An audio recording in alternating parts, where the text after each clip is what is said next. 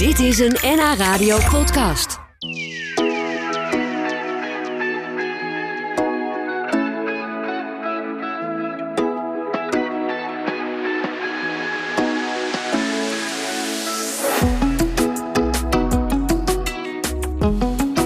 Het is Valentijnsdag en op deze dag draait alles om de liefde. Mensen verrassen elkaar met rozen, kaartjes en bonbons.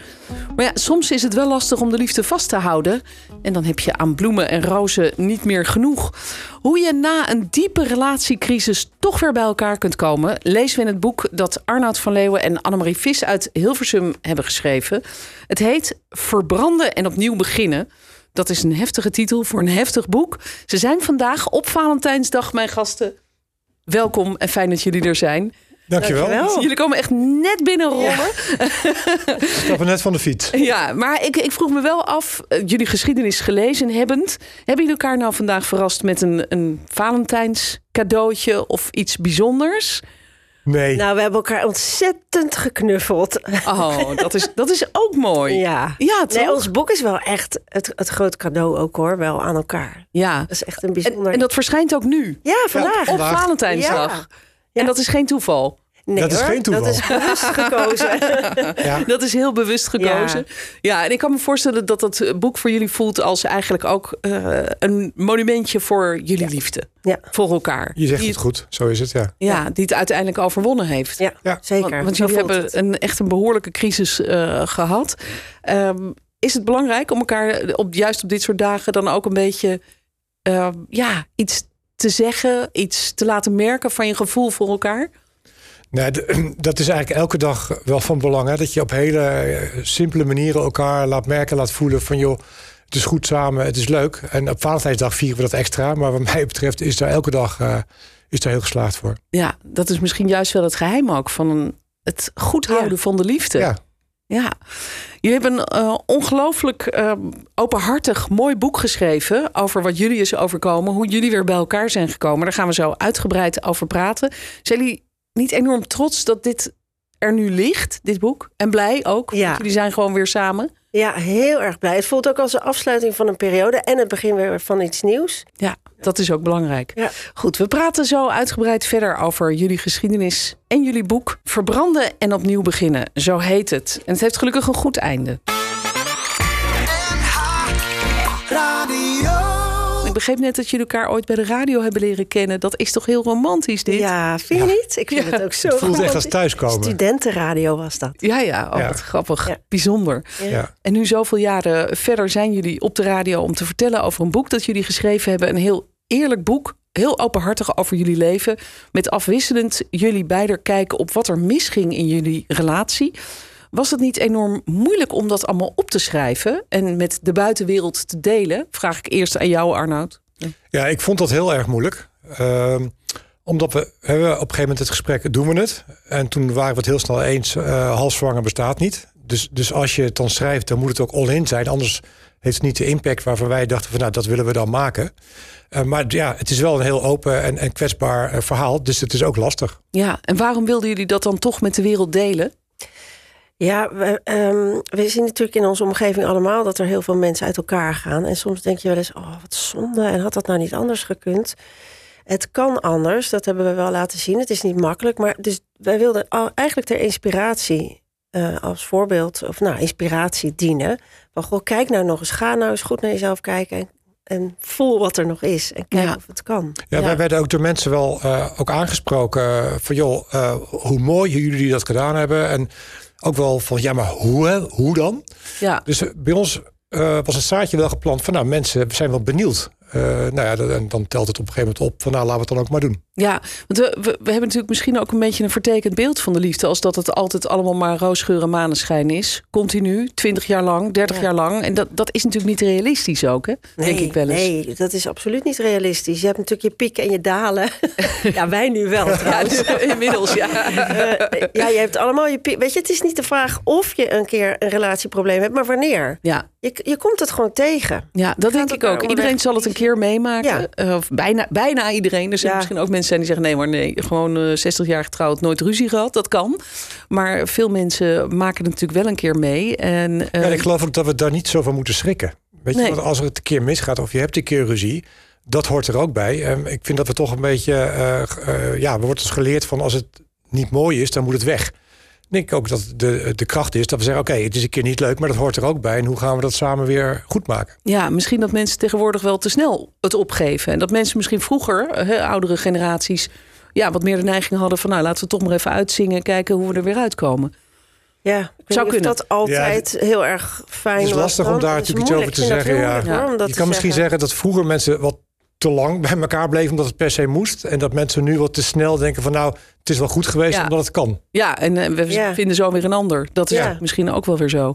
Hey, eh, jullie schrijven in het boek een eh, bekende spreuk van de Britse staatsman Winston Churchill: Never waste a good crisis. Prachtige uitdrukking is dat. Maar hoe groot was de crisis bij jullie? Of hoe diep, moet ik zeggen? Nou ja, die was heel groot. Eh, je gaf het zelf al aan. eh, eh, ik had een ander. Eh, het huis eh, was verkocht. Eh, kinderen waren ingelicht. Advocaten aan het werk. Eh, dus er was echt letterlijk niemand meer die er iets voor gaf dat wij het gingen oplossen. Nee. Eh, zo, zo ver waren we uit elkaar. Dus het Ja. was echt een crisis in We hoofdletters. hebben elkaars lelijke kanten wel gezien hoor. Ja. Ja, dat geloof ik graag. Eh, en de kinderen waren al ingelicht. Ja. Dus eigenlijk iedereen dacht, deze twee die komen nooit meer samen. Nee. Eh, kun, kun je uitleggen wat er mis was gegaan eigenlijk tussen jullie? Dat doen jullie natuurlijk een heel boek Ja. jullie daarover om dat allemaal uit te leggen. Maar als je het zou moeten samenvatten. Eh, nou, kort gezegd is het... De bottom line is uit contact gegaan. Voor mij dan. Ik ben uit contact gegaan omdat ik het allemaal niet meer kon fixen. Jij had je eigen sores. Misschien kan jij dat zeggen.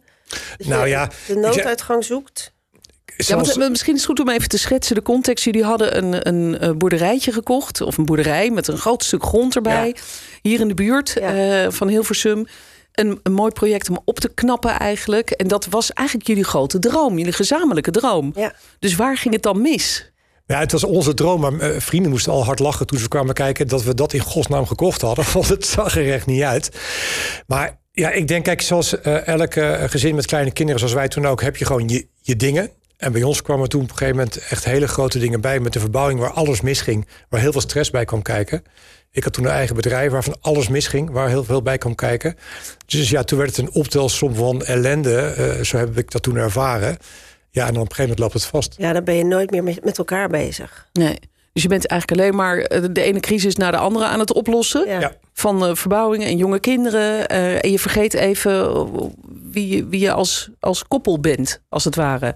Ja, en ik denk dat eh, twee mensen die eh, volslagen gelukkig zijn met zichzelf, die komen ook niet zo snel in een relatiecrisis terecht. Dus als je crisis in je relatie hebt, dan Ja. zegt dat voor wat mij betreft eigenlijk altijd ook wel wat dat je zelf ook niet helemaal lekker in je vel zit. Nee, want dat schrijf je ook in het boek. Arnoud, jij kreeg een ander. Ja. Eh, en nou zullen mensen, een, een jongere vrouw, en dan zullen misschien heel veel mensen denken: oh, nou, dat is best wel leuk natuurlijk. Maar eigenlijk was dat helemaal niet zo leuk. Beschrijf je in het boek. Ja. Want dat zorgde ook weer voor de nodige problemen en, en twijfels. En, en dat was niet echt de oplossing, laat ik het zo maar even zeggen. En zorgde dat ook voor veel schuldgevoel bij jou? Ja, enorm veel.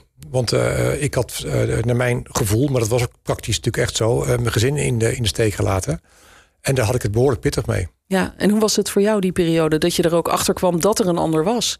Ja, nou, hij heeft het me van tevoren verteld, hè, dat hij verliefd was en dat hij dat met haar ging uitzoeken. Dus ik heb het niet achteraf gehoord. Dat is dan wel weer heel eerlijk. Maar dat, ja, ik vond dat verschrikkelijk natuurlijk. Ik, ik, ik, het is vreselijk om te Ja. voelen. Ik voelde me echt dramatisch. Ik dacht, dit komt nooit meer goed. En In het kon boek beschrijven jullie ook dat je op de grond viel toen Ja, je maar echt. Letterlijk. letterlijk als ja, ik was Ja. echt kapot. En eh, ja, maar ik wist het. Ja, uiteindelijk dacht als ik toen ik ging nadenken, dacht ik ja, ik heb het natuurlijk ook wel aan hebben zien kunnen komen, want ik ben was zoals ik er net al zei ook al een beetje uit contact gegaan en had ook niet goed gekeken naar wat hebben wij nou eigenlijk allebei nodig. Ja, het gevolg was in elk geval dat het huis te koop werd gezet. Ja. De kinderen werden ingelicht. De advocaat werd ingeschakeld om de scheiding te gaan regelen. Ja, ja. Iets wat je eigenlijk natuurlijk nooit wil. Als je Nee. gaat trouwen en kinderen krijgt, dan wil je dat eigenlijk helemaal niet gaan meemaken. Ehm, uiteindelijk zijn jullie er wel uitgekomen. Jullie zijn hier nu samen. Jullie hebben samen een boek erover geschreven. Ja. En we willen natuurlijk allemaal heel graag weten hoe jullie dat voor elkaar hebben gekregen. Daar gaan we het zo dadelijk over hebben. Dat is een gemene cliffhanger natuurlijk. Wel een goeie. ja, maar, Nu zijn natuurlijk allemaal heel benieuwd hoe dat kan. Want jullie waren al een jaar uit elkaar. Het huis stond te koop. De advocaten waren ingeschakeld. De kinderen waren ingelicht. En Arnold, jij had al een andere relatie. Dus wat was nou het moment, het kantelpunt... dat jullie besloten om het toch weer te gaan proberen? En ik weet niet wie van de twee jullie denken dat daar het beste over kan vertellen. Nou ja, ehm, jij, want jij was eerst. ik was eerst, hoor ja, net. met jou. Nou, voor mij was het, het kantelpunt dat ik uh, had dus een relatie met een ander... omdat ik gewoon uit de uh, ellende wilde, zoals ik die zelf ervaarde. En na een jaar kwam ik erachter dat dat uh, helemaal niet de oplossing bracht... waar ik naar op zoek was. En dat mij eigenlijk nog maar één ding te doen stond. En dat was de reis naar binnen maken bij mezelf... en, en mijn eigen shit aan gaan kijken. Uh, dat was voor mij het kantpunt uh, waarop we eigenlijk uh, ook samen weer in contact kwamen, omdat we dat allebei zijn gaan doen. Ja, ja maar eerst maakte je het nog wel uit met haar, hè? Ja, dat klopt. Want, dat is misschien wel de goede ja, volgorde. Dat was een goede volgorde. En, en, we hadden een gesprek waarin ik vertelde van... goh, weet je, met terugwerkende kracht, als ik terugkijk... Ar, ik heb jou soms niet goed gezien. Ik heb gewoon niet de pijn of de moeite of de zwaarte van jou gezien. En dat vind ik heel naar, vind ik heel erg voor je. Dus ik heb zijn pijn erkend. Ja. Dat is een ontzettend belangrijk onderdeel. Ja, dat je snapt waarom het uh, eigenlijk ook vanuit jou is misgegaan. Ja. En, en als ik dat zo hoorde van Arnoud, dan dacht ik, ja, weet je, dat had mij ook kunnen overkomen. Ja, maar het lastige is natuurlijk wel, als je helemaal in zo'n crisis zit, is het volgens mij vrij moeilijk om je eigen rol daarin te zien. Want dan ben je vooral boos of je bent inderdaad verliefd op een ander. Ja. En, en vooral bezig met, met de ander.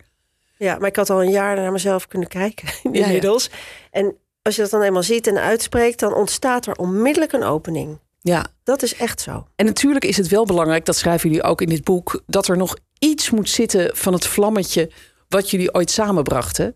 Het is natuurlijk, als je, als je eenmaal echt met haat tegenover elkaar staat, ja, dan is de kans toch klein dat het nog goed komt. Je moet ergens nog wel zien wat het was waardoor je ooit voor elkaar gevallen bent. Ja, ja nou, eigenlijk zeggen wij van joh, als er uh, nog iets van een gevoel is voor de ander uh, en je bent in staat om naar jezelf te kijken, dan kan er gewoon vreselijk veel. En dan kan er veel meer, denken wij, dan dat nu uh, veel stellen doen. Ja. Waarbij ook de opmerking dat als je midden in de storm zit, midden in de chaos, is het vaak heel moeilijk om dat nog te kunnen overzien. En is het belangrijk om eerst uit de storm te komen en vanuit de rust aan de gang te gaan met de dingen die je samen kunt oppakken. Ja, dat lijkt me alvast een goede tip. Uh, dit boek is niet alleen jullie verhaal, maar jullie hebben daar ook een soort, uh, eigenlijk, nou ja, een, een, stappenplan wil ik het niet noemen. Want het is niet van, nou, doe eerst dit en dan dat. Nee. Maar jullie hebben wel een soort theorie eraan gekoppeld waar mensen mee aan de slag kunnen. Ja. Ja. Uh, hoe, hoe ziet dat eruit, de theorie? Nou, dat zal ik heel kort uitleggen. Het zijn eigenlijk zes fases die we uh, beschrijven. Uh, dat zijn zelfreflectie, pijn erkennen, contact, vergeving, verdieping en samen verder. Daar zit een soort volgorde in die verschillende fases. Daar ga je doorheen. En in die fases heb je te maken met gevoelens die wij onderscheiden in positieve gevoelens die we kwaliteiten noemen. En negatieve gevoelens die we uh, emoties hebben genoemd. Ja, zoals woede Ja, of, Ja, of angst. Of, eh, ja. Ja. Ja, en daar heb je mee te maken. En je kunt steeds zelf kiezen van... oké, focus ik me op de uh, boosheid en de angst en, en, en, en de schuld? Of kijk ik naar liefde en naar kracht en, en naar puurheid als, als kwaliteit die je, die je ook hebt? ja, ja. Ja, het is, nou, de, wie dat wil weten, moet natuurlijk gewoon Ja. jullie boek lezen. Ja, dat want daar staat het heel uitgebreid eh, uitgelegd. Ook met allemaal eh, tekeningen erbij en plaatjes van, eh, van die cirkel waar je het over hebt. Het belangrijkste is dat jullie het gered hebben in elk geval. Eh, en dusdanig goed dat jullie samen een boek hebben geschreven. Heeft dat soms ook nog wel eens tot strijd geleverd? En je zegt, ja, maar ik wil dit er niet in. Of- ja, Ja, nou dan? ja, tuurlijk. Ja. We, we, we hebben natuurlijk best lang geschreven hieraan. Hè? Want we kwamen ook elke keer weer daarin stukken tegen. Dat we dachten, hé, hey, ho, wacht, dit hebben we nog niet he- even helemaal doorleefd. Dat moeten we nog een keer even goed bespreken. Het hele proces van samen een boek schrijven is eigenlijk dat je samen werkt. Ja. Nou, dan kom je ook weer leuke dingen tegen. Ja, want er kwamen natuurlijk ook weer allemaal herinneringen boven Ja, uit die ook. tijd. Ja. Eh, ik, ik eh, las het en ik, ik zag her en der opmerkingen. Ik dacht, oh ja, hé, hey, er zit nog een beetje pijn daar. En eh, dat doet misschien nog een beetje zeer daar. Eh, dat lijkt me ook wel lastig. Of, of heeft dat jullie misschien uiteindelijk ook weer juist nog meer samengebracht? Het heeft ons heel veel gebracht. Hè? Want je, de intentie was, we willen anderen hier graag iets mee aanbieden waar ze zelf mee verder kunnen. Maar het heeft ons ook heel veel gebracht, omdat we het hele proces een keer opnieuw eh, beleefd hebben en besproken hebben. En nog weer een keer hebben gekeken van hé, hey, maar hoe zit dit dan precies en waar hebben we daar dan last van? Dus ja, ik ben er ook van onszelf gewoon heel blij mee dat we het samen zo hebben kunnen doen. Ja, kan ik me voorstellen. Ja, en dat jullie hier nu zitten, stralend en wel op Valentijnsdag met Ja. dit boek dat jullie samen gemaakt hebben. Eh, hebben jullie tot slot, want we weten allemaal dat één op de drie huwelijken strandt. Dat is best wel veel eigenlijk. Eh, tot slot nog een soort praktische tip voor mensen die denken: ja, mijn huwelijk loopt eigenlijk ook niet zo lekker. Ik zit nog niet in een crisis. Zo erg is het nog niet, ja. maar eh, we moeten misschien wel oppassen. Heb je daar een tip voor alvast? Iets praktisch? Ja, ik, ik vind het toch altijd wel belangrijk om. eh, eh, we zijn dan geneigd om naar de ander te kijken. Hè? Van wat zou niet goed is aan hem of aan haar. Ik zou het toch heel. Het is heel prettig om te kijken: oké, wat is mijn verlangen? Wat wil ik nou eigenlijk? En waar zit het bij mij? Kan ik zelf misschien iets doen? Ja. Bij ons heeft mediteren ook heel erg geholpen. Jij bent ook heel veel in de tuin gaan werken. In de tuin Ja. met de handjes in de grond om Ja. weer goed te aarden. Koud zwemmen. Allemaal, eh, ja, gewoon om weer tot jezelf te komen. Echt tot die kern. Ja. Ja. Elkaar niet voorbij rennen. Nee. Af en toe eens diep in de ogen kijken. Ja, en, en, toch elkaar ook vasthouden. Ja, want het is ook zo tuurlijk. mooi. Ja. Zeker. Ja, Ja. en, en dat zeker is een mooie boodschap op deze Valentijnsdag. Maar jij zei aan het begin, dat is natuurlijk ook zo. Eigenlijk moet je elke dag even elkaar diep in de ogen kijken. En eh, iets liefs zeggen of elkaar zien in elk geval. Ja. Ja. Ik dank jullie heel erg dat jullie hier waren vandaag. Dank Heel graag. Jij, dankjewel. En veel Heel geluk leuk. samen. Ja, Dankjewel. Goed, dank je. Dit was een NH Radio podcast. Voor meer, ga naar nhradio.nl. Radio.